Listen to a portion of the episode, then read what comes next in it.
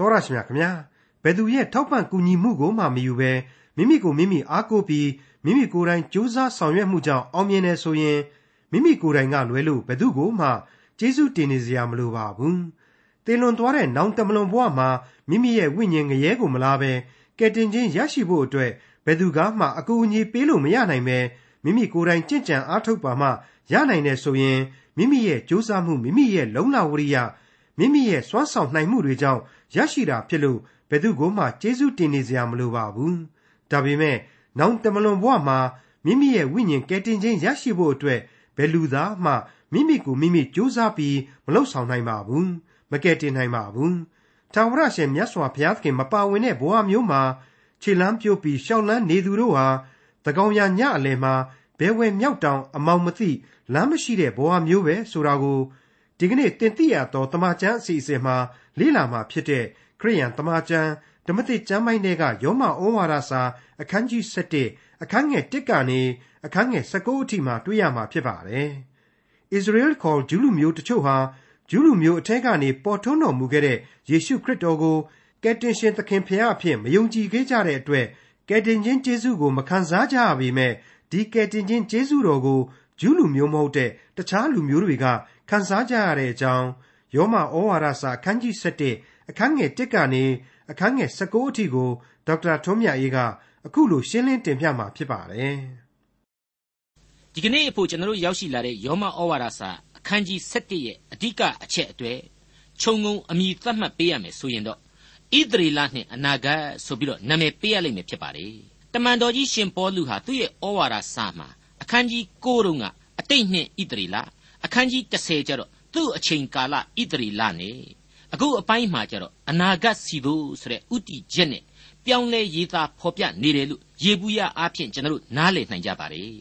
ကျွန်တော်တို့အတိတ်ကကြမ်းချက်တွေကိုပြန်ပြီးတော့စဉ်းစားလိုက်မယ်ဆိုရင်ဟေရှာယအနာဂတ်ကျမ်းကိုအကိုအကားပြုတ်ပြီးတော့ရှင်ပေါလုကဖော်ပြရမှာကျွင်းသောသူသို့မဟုတ်အနည်းငယ်မျှသောသူတို့သားလျှင်ကဲတင်ခြင်းကိုခံစားရလိမ့်မည်ကဲတင်ခြင်းသို့ရောက်လိမ့်မည်ဆိုပြီးတော့ ဣသရေလကိုယည်စုပြောခဲ့သလိုမြေတပြင်လုံးဆိုပြီးတော့လေရည်စူးတဲ့အချက်ပါဝင်တဲ့အတွက်လူသားအလုံးတို့နဲ့လေသက်ဆိုင်လို့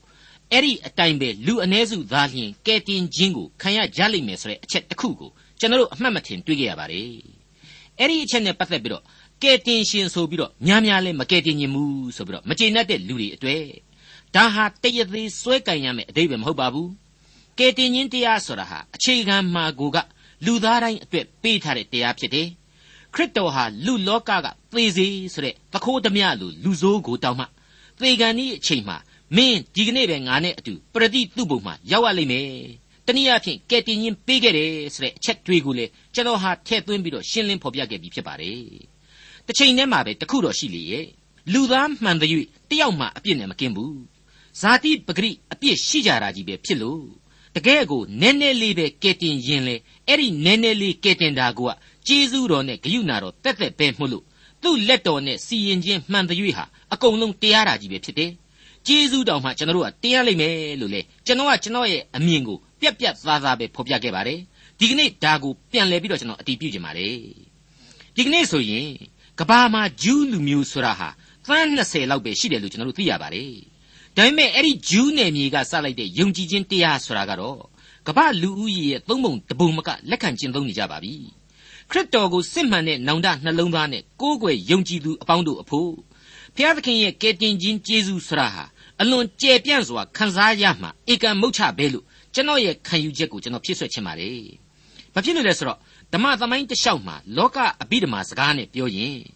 ဖြစ်ပျက်ပြုပြင်ဆိုတဲ့တန်တရားဆက်ဝိုင်းကိုသဘောပေါက်ခဲ့ရသလို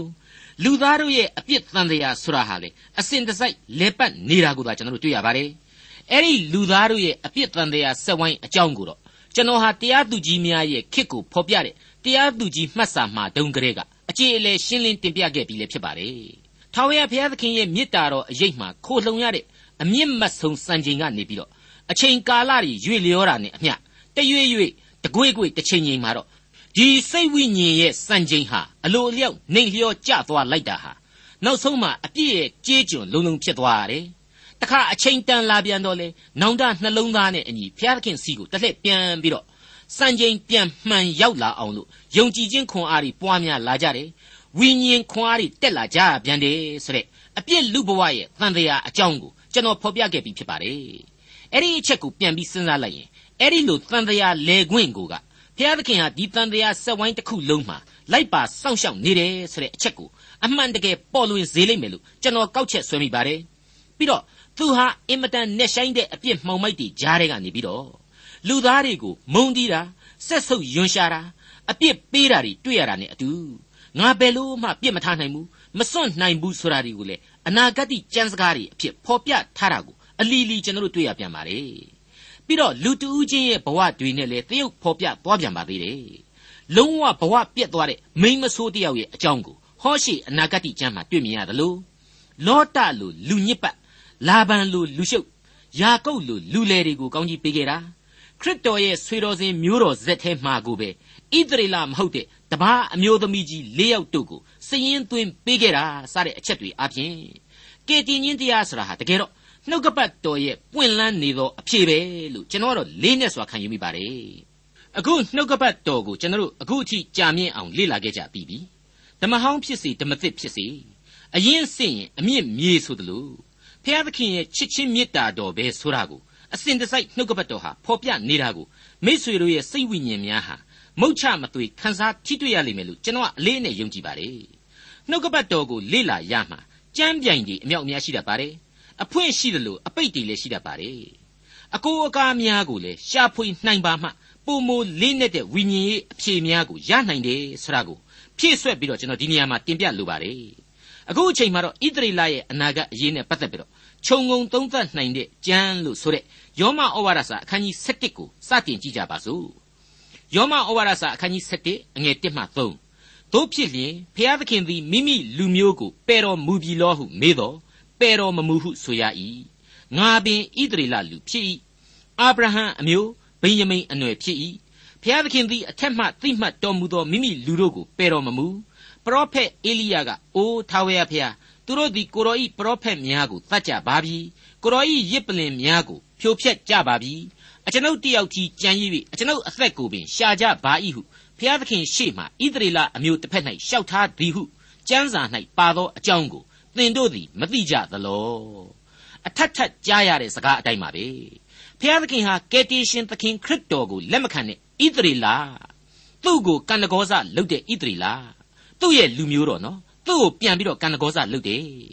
ဘယ်ဘက်ကမှစိတ်တိုင်းမကြနိုင်တဲ့သူ့ရဲ့အဲ့ဒီလူမျိုးတော်အရင်ခောက်ခောက်ဣသရေလကိုဘလောက်ပဲဂွာရီဂွာတာပဲလှုပ်လှုပ်သူ့စကားကိုဘလောက်ပဲညင်းပယ်ပယ်နားမထောင်ထောင်ခေါင်းဘလောက်ပဲမမမပယ်နိုင်ပါဘူးတဲ့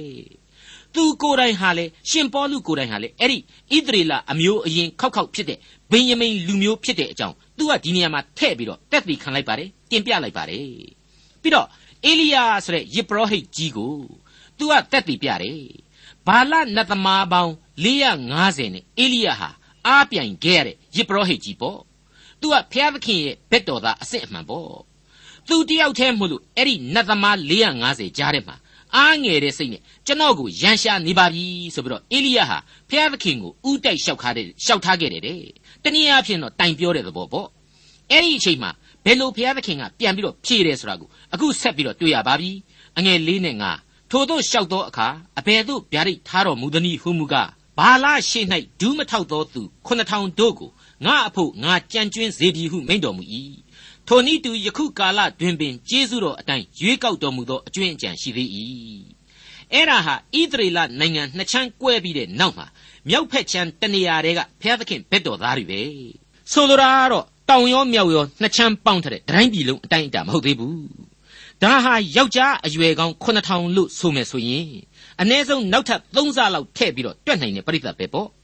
အဲ့ဒီခေတ်လူဦးရေအတိုင်းအတာအရဆိုရင်ဒါကိုနဲတယ်လို့ကျွန်တော်တို့မပြောနိုင်ပါဘူး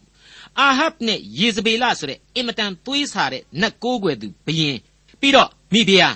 အဲ့ဒီလင်မယားရဲ့ဓာရိတ်မှတောင်မှမကြောက်မရွံ့ဒီလောက်အထိဘုရားသခင်သစ္စာကိုစောင့်ကြသေးတယ်ဆိုရင်ကဲတင်ချင်းတရားနဲ့ထိုက်တန်သူတွေဟာဘလောက်များများပြားမလဲဆိုတာကိုကျွန်တော်ခံမှန်းတွက်ဆနိုင်လောက်ပါတယ်အငယ်6ကျေးဇူးတော်အားဖြင့်ရှိလျင်ကိုကျင့်သောအကျင့်အားဖြင့်မရှိရှိလျင်ကျေးဇူးသည်ကျေးဇူးမဟုတ်ကိုကျင့်သောအကျင့်အားဖြင့်ရှိလျင်ကျေးဇူးအားဖြင့်မရှိ ရှိလျင်ကိုကျင့်သောအကျင့်သည်အကျင့်မဟုတ်အတိတ်ဘယ်ကတော့ကျေးဇူးတော်ဆိုတာရဲ့အကျင့်တရားရဲ့ဆိုတာဟာတရားကိုယ်သဘောမှပင်လျင်အလိုလျောက်ဆန့်ကျင်နေပါလေကိုကအင်တိုက်အားတိုက်တရားတစ်ခုကိုကျင့်နေဆိုတာဟာဘုရားသခင်ကျေးဇူးတော်ကိုမခံယူဘူးဆိုတဲ့သဘောတရားမျိုးဘုရားသခင်ရဲ့ကျေးဇူးတော်ကိုမသိရှိဘုရားသခင်ရဲ့ကျေးဇူးတော်ကိုမထိတွေ့ရလို့သာကိုယ့်ဘာကိုတရားကိုကျင့်နေဆိုတဲ့သဘောမျိုးပဲဖြစ်ပါတယ်ဒါကိုရှင်ပေါလုဟာပြည့်ညတ်တော်တွေကိုအလွတ်ကျက်ပြီးတော့ယုံကြည်ခြင်းတရားတဲ့ ရှေးကာလပြည့်ညတ်တော်တွေမှာနစ်မြုပ်နေသူဣသရေလတွေကိုစောင်းမြောင်းရည်ညွှန်းသတိပေးလိုက်ခြင်းနဲ့အတူတူပါပဲခိုင်မာနေသောဣသရေလနှလုံးသားများဆိုပြီးတော့ကျွန်တော်တင်ပြနိုင်ဖို့အတွက်အငယ်ခုနှစ်ကိုဆက်လက်ဖတ်ရှုပြပါမယ်တို့ဖြစ်လျင်အဘယ်သို့နည်းဣသရေလလူတို့သည်ရှာသောအရာကိုမတွေ့ရကြရွေးကောက်တော်မူသောသူတို့သာတွေ့ရကြ၏ကျွင်းသောသူတို့ကိုမှောင်မိုက်လွှမ်းမိုး၏ကျွန်တော်ဟာပြည့်ညတ်တရားဆိုတဲ့ ကယ်တင်ရှင်သခင်ခရစ်တော်စီကိုဥတီပို့ဆောင်ပေးနေတဲ့ဒီပြည့်ညတ်တရားတော်သို့မဟုတ်အထင်းတော်ကြီးစီမှာပဲကပ်ရက်ပြီးတော့နှွဲ့ဆိုးဆိုးနေသူတို့အကြောင်းအကြောင်းကိုကျွန်တော်ဖော်ပြခဲ့ပူပါတယ်ခလေးစိုးကြီးတွေရဲ့အကြောင်းပေါ့ခလေးစိုးကြီးတွေအဖြစ်လဲတကယ်တင်စားတိုက်တယ်ရင့်ကျက်ခြင်းမရှိဘူးကဲတင်ခြင်းတရားရဲ့အနှစ်သာရကိုနားမလဲလေတော့ပြည့်ညတ်တော်မှာပဲခိုကပ်ပြီးတော့နှွဲ့ဆိုးဆိုးနေတဲ့တကယ်ခလေးစိုးကြီးတွေပေါ့ခရစ်တော်စီကိုမသွားဘူးပြည့်ညတ်တော်နေပြည့်ညတ်တော်တွေနဲ့ပဲဘူးတွေ ကန့်လန့်နေဖြစ်နေတဲ့လူတွေပေါ့သူတို့ဟာသူတို့မှအမှန်တကယ်လိုချင်နေတဲ့ကဲတင်ရှင်ကိုကဲတင်ရှင်မှန်အရှင်းမသိခဲ့ကြရှာဘူးခရစ်တော်ရဲ့ဂျေဇုနဲ့ဂရုနာတော်ကိုအမှန်တကယ်နားမလည်နိုင်ခဲ့ကြရှာဘူးဒါကိုအခုပေါလုကဖော်ပြလိုက်တယ်ဣသရေလလူတို့သည်ရှာသောအရာကိုမတွေ့ရမတွေ့ရကြဖြောင့်မတ်သောသူတို့သာတွေ့ရကြ၏ကျွင်းသောသူတို့ကိုမှောင်မိုက်လွှမ်းမိုး၏တဲ့ရှင်းနေတာပဲမဟုတ်ဘူးလားယောမဩဝါဒစာအခန်းကြီး7အငယ်8မှ10 ထိုသောနှင့်အညီကျမ်းစာလာသည်ကဖျားသခင်သည်အိတ်ချင်သောသဘောကို၎င်းမမြင်နိုင်သောမျက်စိကို၎င်းမကြားနိုင်သောနားကို၎င်းထိုသူတို့အားပေးတော်မူပြီဟုလာ၏ထိုကျမ်းစာချက်သည်ယနေ့တိုင်အောင်ပြည့်စုံသည်ဒါဝိဒ်၏စကားဟူမူကားသူတို့စပွဲသည်သူတို့၌ကြော့ကွင်းတော်၎င်းဂျမ်းတော်၎င်းထောင်ချောက်တော်၎င်းခံတိုက်သောအပြစ်တော်၎င်းဖြစ်ပါစေသူတို့သည်မမြင်နိုင်အောင်မျက်စိကွယ်ပါစေသူတို့ကြောသည်လည်းအစဉ်ကုန်းပါစေဟုလာသည် နှလုံးသားမှာကိုကအမှန်တရားကိုလက်မခံခြင်းနဲ့လူသူ့အဖို့အလင်းတရားဟာတကပောက်တည်းအလိုအလျောက်ပိတ်နေတယ်လို့ဖြစ်ရလိမ့်မယ်ဖျားသခင်ကိုအတင်းထောင်ထားခြားနာမှုတွေဆန့်ကျင်ပုန်ကန်မှုတွေပြုလုပ်ခဲ့တဲ့လူတွေရဲ့အတိတ်သမိုင်းတွေကိုပြန်ပြီးတော့စဉ်းစားကြည့်ကြပါကို့အပြစ်နဲ့ကိုကို့တွင်းကိုကိုတူးတယ်လို့ကိုရှုကိုပတ်ပဲဖြစ်ခဲ့ကြပါတယ်ဘုရားသခင်ဟာအဲ့ဒီလိုနှလုံးသားတွေကိုကြိုးရှည်ရှည်နဲ့လှမ်းပေးထားတတ်တယ်ဘုရားသခင်ရဲ့တမင်အလိုလိုက်မှုကိုကကြော့ကွင်းတွေ ဒုက္ခတွေခါစီပြီးခံရစေဖို့ဖြစ်လာတတ်ပါတယ်ဒါကိုဖာရောဘုရင်ရဲ့ဏိဂုံးအားဖြင့်သင်ခန်းစာယူနိုင်တယ်လို့တရားသူကြီးခေတ္တလျှောက်လုံးကဣသရေလတွေဒုက္ခရောက်ခဲ့ပုံတွေဘယင်စနစ်ကြီးကနေတိုင်းပြည်ပြိုကွဲပြီးတော့ကျွန်ဖြစ်ခဲ့ရတဲ့အဖြစ်တစ်နှစ်တွေဟာလေအကုန်လုံးတက်တည်ပြနေတယ်လို့ကျွန်တော်ဆိုချင်ပါတယ်ဒါဝိမင်းကြီးရဲ့66ခုမြောက်သောဆာလံအငယ်22မှာအခုလိုဖော်ပြထားပါတယ်သူတို့ဇပွဲသည်သူတို့ရှေ့မှကြော့ကွင်းတော်၎င်းခံတိုက်သောအပြစ်တော်၎င်း ထောင်ချောက်တော်၎င်းဖြစ်ပါစေဆိုပြီးတော့ဆိုဖွဲ့ခဲ့တာကိုပေါလုကပြန်လဲကိုးကားလိုက်ပြန်ပါတယ်ဖျားသခင်မပါဝင်သောဘဝမျိုးမှာခြေလှမ်းပြိုးပြီးတော့ရှောက်သွားနေရသူတို့ဟာသကောင်ရံညအလဲမှာဘဲဝဲမြောက်တောင်အမောင်မသိလမ်းမရှိတဲ့ဘဝမျိုးပဲဆိုတာကိုထင်ရှားသိသာအောင်လို့ရှင်ပေါလုဖော်ကျူးလိုက်ပါတယ်။ဘာကြောင့်အခုလိုဖြစ်နေကြသလဲဆိုတဲ့အပိုင်းကိုဆက်လက်လေ့လာသွားဖို့ရှိပါတယ်။ယောမဩဝါဒစာအခန်းကြီး7အငယ်7 တို့ဖြစ်လျင်ဣသရေလလူတို့သည်လဲ၍နေရသည်တိုင်အောင်ထိမိကြပြီလို့ဟုမေးတော့လဲ၍မနေရကြ။သူတို့၏စိတ်ကိုနှိုးဆော်เสียအကြောင်းရှိစေခြင်းဟာသူတို့ဤလဲခြင်းအပြင်ကဲတင်တော်မူခြင်းကျေးဇူးသည်တပါးအမျိုးသားတို့၌တက်ရောက်လေ၏အဲ့ဒီလိုဣသရေလလူတွေကခေါင်းမာလေးလေးကဲတင်ခြင်းကျေးဇူးတော်အကြောင်းကိုတပါးအမျိုးသားတို့ဟာပုံမသိရှိခွင့်ရလေးလေးဖြစ်လာတယ်သူများတွေကကဲတင်ခြင်းရတဲ့အကြောင်းကိုသိတဲ့အခါကျတော့ သူတို့ကတခါမနာလိုတိုရှည်တွေဖြစ်ကုန်ကြတယ်ဆိုတာကိုရှင်ပေါလုဖော်ပြလိုက်ပါတယ်ဘလောက်အံ့ဩဖို့ကောင်းလဲလူရဲ့စိတ်တဗေဒသဘောတရားဒီနေရာမှာပါလာတယ်နော်ဂျူးတွေဟာသူတို့ကိုးကွယ်တဲ့ဘုရားသခင်ကနေတဆင့်ပြည့်ညတ်တော်တွေကိုသာကျင့်မှုသိကြတာကယ်တင်ရှင်သခင်ခရစ်တော်ဆိုတဲ့လူစားတိခံသားတော်ကိုအသက်ပုံနှင်းပြီးတော့လောကကြီးတစ်ခုလုံးကိုချစ်ချင်းဆိုတဲ့မေတ္တာတော်နဲ့လောကသားအပေါင်းတို့ရဲ့အပြည့်အတွက်အသက်ကိုစွန့်ပြီးတော့အသက်စွန့်မေတ္တာနဲ့ကယ်တင်ခြင်းပြုခဲ့တာကိုသူတို့မယုံကြဘူး သူတို့ဟာတနည်းအားဖြင့်တော့ပြားရည်ဇွန်းလို့လူမျိုးတွေပဲပေါ့ပြားရည်တဲမှာသာကိုယ်တိုင်ကနစ်မြုပ်နေကြတယ်ချိုမိန်တဲ့ဂျေဇုဂိယုနာတော်ဆိုတာကိုကိုယ်တိုင်ခန်းစားထိတွေ့နိုင်စွမ်းမရှိဘဲဖြစ်နေကြပါတယ်အဲ့ဒီဣသရေလနိုင်ငံတော်ကြီးကိုတင်သိရသောတမန်ကျမ်းပြုစုသူဆရာကြီးဒေါက်တာဂျေဗန်နန်မက်ဂီရောက်ရှိသွားတဲ့အချိန်မှာဂျူးခရီးသွားလမ်းညွန်ကနေပြီးတော့ဆရာကြီးမက်ဂီသူ့နိုင်ငံအပေါ်မှာအကြီးအကျယ်စိတ်ဝင်စားနေတာကိုအံ့ဩပြီးတော့ဆရာကြီးဟာကျွန်တော်နိုင်ငံကိုများဘာဖြစ်လို့လောက်တောင်စိတ်ဝင်စားနေရတာလဲတဲ့ ဂျူးဣသရေလလူတစ်ယောက်မခံစားတတ်တဲ့ကယ်တင်ရှင်ဂျေဇုတော်ကိုဒေါက်တာဂျေဗန်နန်မက်ဂီကသာခံစားထိတွေ့ရတယ်ဂျူးစစ်စစ်ဖြစ်တဲ့လူတစ်ယောက်ကတော့စောစောကကျွန်တော်ပြောတယ်လို့ပြားရည်စွန်းလို့ဖြစ်နေတယ်မဟုတ်ဘူးလားအမောင်တောင်မှန်းမြောင်မှန်းမသိတဲ့ဘဝပဲချိုမိန်ချင်းအရှင်းမရှိတဲ့ဘဝပဲလို့ကျွန်တော်ဆိုချင်ပါတယ်အငယ်ဆက်နှစ်သူတို့ဤလဲခြင်းအရာသည်လောကီသားတို့ဤစီးပွားကို၎င်းသူတို့ဤရှုံခြင်းအရာသည်တပါးမျိုးသားတို့ဤစီးပွားကို၎င်းပြုစုလျင် သူတို့ဤပြည့်စုံခြင်းအရာသည်သာ၍ပြုစုမည်မဟုတ်လော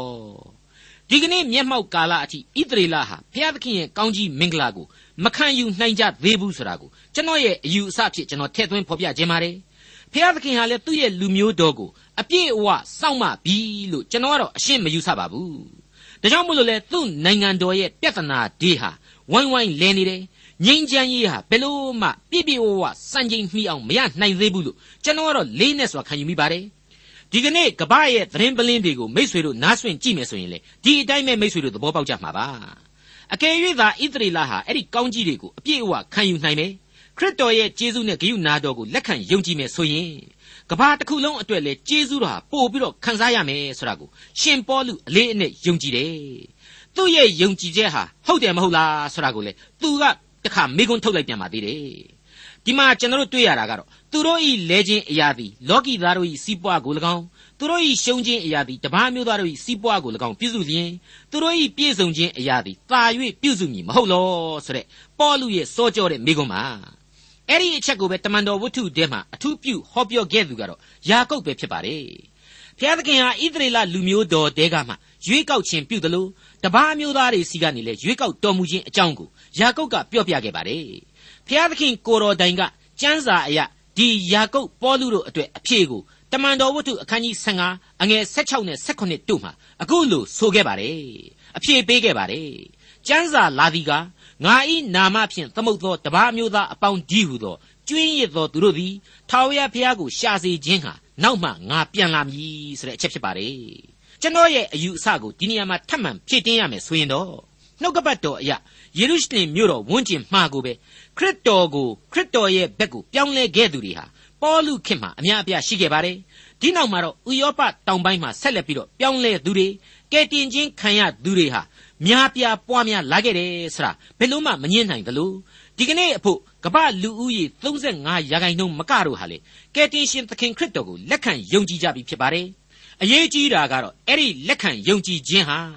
မိမိတို့ရဲ့နှလုံးသားနဲ့မိမိတို့ရဲ့ဘဝလက်တွေ့တရုပ်နဲ့ညီညွတ်ခြင်းရှိဖို့သာအဓိကဖြစ်တယ်လို့ကျွန်တော်လေးနဲ့စွာတင်ပြလိုက်ပါရစေယောမဩဝါဒစာအခန်းကြီး7အငယ်73နဲ့74ထို့သောဆိုသောငါသည်တပါးမျိုးသားတို့နှင့်ဆိုင်သောတမန်တော်ဖြစ်သည်နှင့်အညီထိုတမန်တော်အရာကိုချီးမွမ်းလျက်ငါအမျိုးသားချင်းတို့၏စိတ်ကိုတခုခုအားဖြင့်နှိုးဆော်၍အချို့တို့ကိုကယ်တင်ခြင်းဟာတပါးအမျိုးသားဖြစ်သောသင်တို့ကိုဆိုရသည် ရှင်ပေါလုဟာသူ့ကိုယ်ကိုသူတပါးအမျိုးသားတို့အတွက်တမန်တော်ဆိုပြီးတော့သဘောထားပါတယ်မှန်ပါတယ်ဒေါက်တာဂျက်ဆန်ဆိုတာဟာလေတပါးအမျိုးသားတို့အတွက်တမန်တော်ပဲပေါ့အဲ့ဒါဆိုရင်သူကိုယ်တိုင်ကရောဂျူးလားမဟုတ်ပါဘူးသူဟာအမေရိကန်ပြည်ထောင်စုဘော့စတန်ပြည်နယ်သားဖြစ်ပါတယ်ပြီးတော့အခုနိုင်ငံရေးအမြင်တွေမှာယူဆနေတဲ့နယ်ချဲ့လားဆိုရင်အရှင်းမှားယွင်းပါတယ်သူဟာအဓိကအားဖြင့်အိန္ဒိယနိုင်ငံကိုသာသာသနာပြုကိုလာခဲ့ခြင်းဖြစ်ပါတယ် ဒါပေမဲ့အိန္ဒိယဟာအဲ့ဒီအချိန်မှာအင်္ဂလိပ်နယ်ချဲ့ရဲ့အောက်မှာရောက်ရှိနေတော့အဲ့ဒီအချိန်ကာလမှာအမေရိကန်နဲ့အင်္ဂလိပ်တို့ဟာစစ်ဖြစ်နေတဲ့အချိန်မို့လို့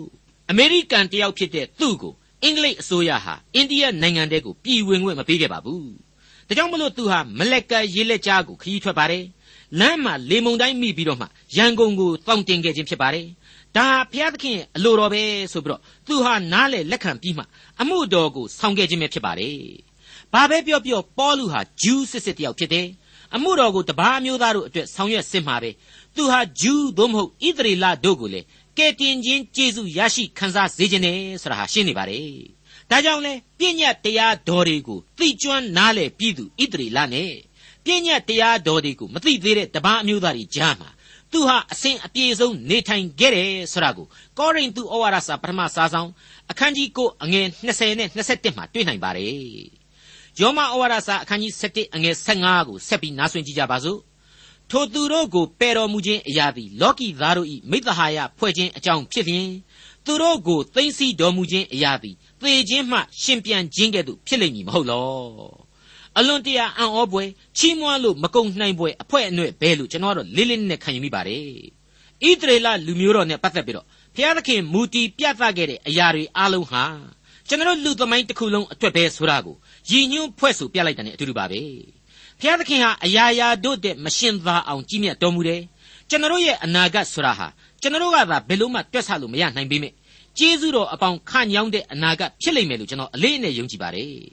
ဒါကိုအကောင်းမြင်ဝါရတက်တက်လို့မဆိုကြပါနဲ့ဖျားသခင်ရဲ့ကျေးဇူးနဲ့ဂရုနာတော်ကိုခိုင်မာစွာယုံကြည်မှုနဲ့ရယူတဲ့အမြင်သစ္စာဖြစ်တယ်လို့ဆိုခြင်းဆိုနိုင်မှာဖြစ်ပါတယ် ယောမဩဝါဒစာအခန်းကြီး7အငယ်16အဦးနယ်သောမုံစိမ့်သည်တန်ရှင်းလျင်တပုံလုံးတန်ရှင်းလိမ့်မည်အမြင့်တန်ရှင်းလျင်အခက်အလက်များလဲတန်ရှင်းကြလိမ့်မည်တောလေယာကျမ်းအခန်းကြီး15အငယ်21အရာသင်တို့အမျိုးအစဉ်အဆက်တို့သည်အဦးနယ်သောမုံစိမ့်တဲကချီးမြှောက်ရာပူဇော်သက်ကာကိုထာဝရဘုရားအားဆက်ရကြမည်ဆိုတဲ့အချက်ကိုကျွန်တော်တို့တွေ့ကြရပြီဖြစ်ပါတယ်။ဒါဟာရွေးကောက်တော်မူသောလူမျိုးတော်ရဲ့ဓမ္မသမိုင်းအဦးအစတုန်းကဘိုးဘေးဘီဘင်တို့ဟာ မုံစိမ့်ကဲ့သို့ဖြစ်ခဲ့ပြီးတော့အဲ့ဒီမုံစိမ့်တဲကဆက်လက်ပေါ်ထွန်းတဲ့လူမျိုးတော်ဟာဘုရားသခင်အတွက်ဖြစ်ထိုက်တယ်။ကိုကိုကိုပူဇော်ရမယ်လို့အတိတ်ပဲဆိုလိုခြင်းဖြစ်ပါတယ်။အမြင့်တန်ရှင်းတယ်လို့ဒီနေရာမှာဖော်ပြတာဟာအပြစ်ကင်းတာကိုမဆိုလိုပါဘူးကျွန်တော်ဘိုးဘေးဘီဘင်တွေဟာလူသားတွေမဟုတ်လို့အပြစ်လည်းမကင်းနိုင်ခဲ့ကြပါဘူးဒါပေမဲ့အဲ့ဒီနေရာမှာတန့်ရှင်းတယ်ဆိုတာဟာဘုရားသခင်ရဲ့ဘက်တော်မှာယက်တည်တယ်ဆိုတာကိုသာဖော်ကျူးလိုက်ခြင်းဖြစ်ပါတယ် ဒီကြမ်းကြက်အရာအဦးနယ်သောမုံစိမ့်ကနေဆင်းသက်တဲ့လူမျိုးအမြင့်တန်ရှင်းစွာနဲ့ဖြာထွက်တဲ့အပင်နဲ့တူတဲ့လူမျိုးဖြစ်တဲ့ဣသရေလအဖို့လာမည့်အနာဂတ်ဆိုတာဟာအနာဂတ်ကောင်းပဲဖြစ်လိမ့်မယ်လို့ကျွန်တော်ကတော့လေးနဲ့စွာအတိတ်ပဲဖွင့်ဆိုခြင်းပါတယ်ယောမဩဝါဒစာအခန်းကြီး7အငယ်18အချို့သောအခက်တို့ကိုချိုးဖဲ့ပြီးမှရိုင်းသောတန်လွင်ပင်ကြီးဟုသောသင်ကိုအထက်အငုတ်၌ဆက်၍စိုက်သဖြင့်အခက်များနှင့်အတူတန်လွင်ပင်အမြစ်ကို၎င်း အစီဩဇာကို၎င်းဆက်ဆံလျင်ချိုးဖဲ့သောအခက်တို့ကိုကဲ့ရဲ့ဝါကြွားခြင်းမရှိနှင့်ဒါဟာဣသရေလလူမျိုးတော်ကနေတဆင့်ကဲတင်ချင်းကျေးဇူးတော်ကိုကျွန်တော်လူသားဟာဆက်ခံရခြင်းဖြစ်တယ်လို့ဆိုလိုက်တာပါပဲဟုတ်ပါတယ်ဣသရေလသို့မဟုတ်ဂျူးမုန်ကြီးဆန့်ကျင်မှုဆိုတာဟာခရစ်တော်ကိုယုံကြည်သူဘုရားသခင်ကိုကိုးကွယ်သူတို့ရှောင်ရမယ့်အမှုဖြစ်ပါတယ်။တနွယ်ငင်ဒဇင်ပါဆိုတဲ့စကားရှိပါတယ်။ကျွန်တော်ဟာရွေးကောက်တော်မူသောလူမျိုးတော်အားဖြင့်သားလျှင်အသက်ရှင်တော်မူသောဘုရားသခင်နှင့် ဘုရားသခင်ရဲ့ကျေးဇူးတော်တည်ရှိခြင်းအကြောင်းကိုနားလည်ခွင့်ရရှိခဲ့ခြင်းဖြစ်တယ်ဆိုတာကိုကျွန်တော်လေးနဲ့စွာရင်ဝင်ပိုက်ထားကြပါစို့။ဒီလိုကျွန်တော်ကပြောတော့ဂျူးသို့မဟုတ်ဣသရေလဒေးကိုပစားပေးရမယ်မျက်နာလိုက်ရမယ်ဆိုတဲ့အယူအဆလို့အရှင်းမထင်စေချင်ပါဘူးနှုတ်ကပတ်တော်အတိုင်းခံယူဖို့သာဖြစ်ပါတယ်ဘုရားသခင်ကိုတော်တိုင်ဟာဒီလူမျိုးတော်ကိုဤအမျိုးမျိုးနဲ့ကွညက်ဆုံးမတားမြစ်ခဲ့တာ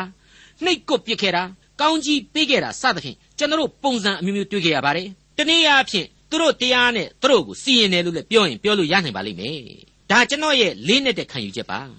အဲ့ဒီလိုဘုရားသခင်ကဣသရေလကိုသူနည်းသူဟန်နဲ့အပြစ်ပေးနေတဲ့အချိန်မှာကျွန်တော်ကဓာခုတ်ရမှာလက်ဝင်မရှို့ဖို့ပဲလိုတယ်လို့ကျွန်တော်ပြောချင်ပါတယ်တနည်းအားဖြင့်ဂျူးဆန့်ကျင်မုံကြီးရေးဆိုတာမျိုးမှာကျွန်တော်မပတ်သက်ကြရပါဘူး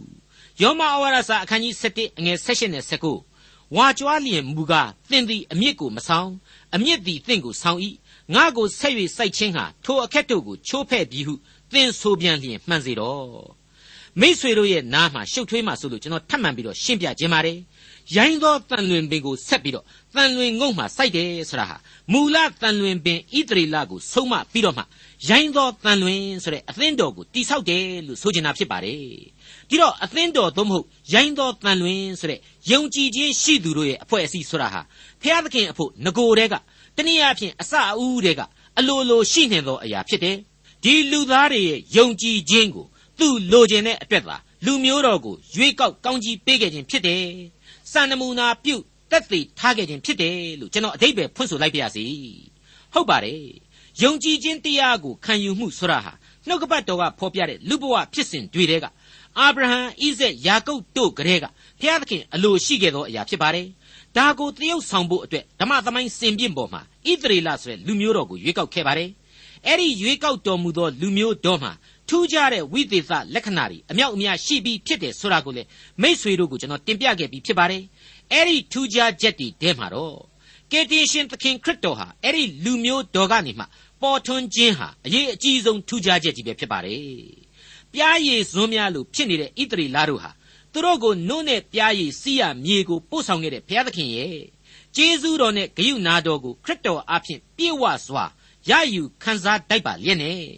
ကိုယ်တိုင်မခံစားနိုင်ဘဲနဲ့ဒီပြားရည်ကိုတပားအမျိုးသားတို့အတွက်ဝေမျှပေးရတဲ့အဆင့်မှာပဲရှိခဲ့ပါတယ်။ဒါဟာအလွန်ထူးဆန်းအံ့ဩဖွယ်သင်ခန်းစာများပဲလို့တင်ပြရင်းနဲ့ဒီကနေ့အဖို့ခိတ္တရနာလိုက်ပါရစေဒေါက်တာထွန်းမြတ်ရေးစီစဉ်တင်ဆက်တဲ့တင်ပြရသောတမချန်းအစီအစဉ်ဖြစ်ပါတယ် နောက်တစ်ချိန်အစီအစဉ်မှာခရိယန်တမချန်းဓမ္မသစ်ကျမ်းပိုင်းတွေကယောမဩဝါဒစာအခန်းကြီး7အခန်းငယ်20ကနေအခန်းငယ်33အထိကိုလေ့လာမှာဖြစ်တဲ့အတွက်စောင့်မျှော်နားဆင်နိုင်ပါတယ်။